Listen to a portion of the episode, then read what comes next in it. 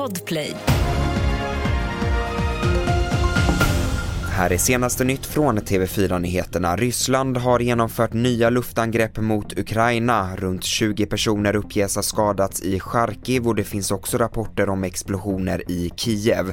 Attackerna kommer efter Ukrainas svar igår på vad som beskrivs som Rysslands mest omfattande attack sedan invasionen inleddes. En kvinna befaras ha omkommit efter att ha fallit över bord från färjan Viking Cinderella sent igår kväll. Färjan var på väg från Stockholm till Åland. Räddningsinsatsen avslutades vid halv tre-tiden i natt. Myndigheterna i Venedig i Italien tar nu nästa steg för att minska antalet turister i stan.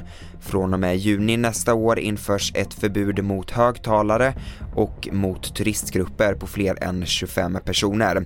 Sedan flera år har flera avgifter och skatter införts för besökare men antalet turister ökar ändå. Vi går mot slutet av ett år som i Sverige präglats av blodiga gängkonflikter, dåliga ekonomiska tider och klimatkris. Men det finns också ljusglimtar framkommer av TTs sammanställning över goda nyheter. Som exempel ges bland annat positiva tecken i djurlivet, att eh, lodjuren lyckats återhämta sig i södra Sverige och eh, havsörnarna blivit fler. Elen har blivit betydligt billigare och guldmedaljer har regnat över svenska VM-stjärnor i bland annat längdskidor, paracykel och luftgevär. TV4-nyheterna August Håkansson.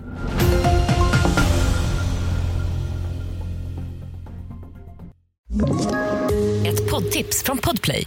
I podden Något Kaiko garanterar östgötarna Brutti och jag, Davva, dig en stor dos skratt.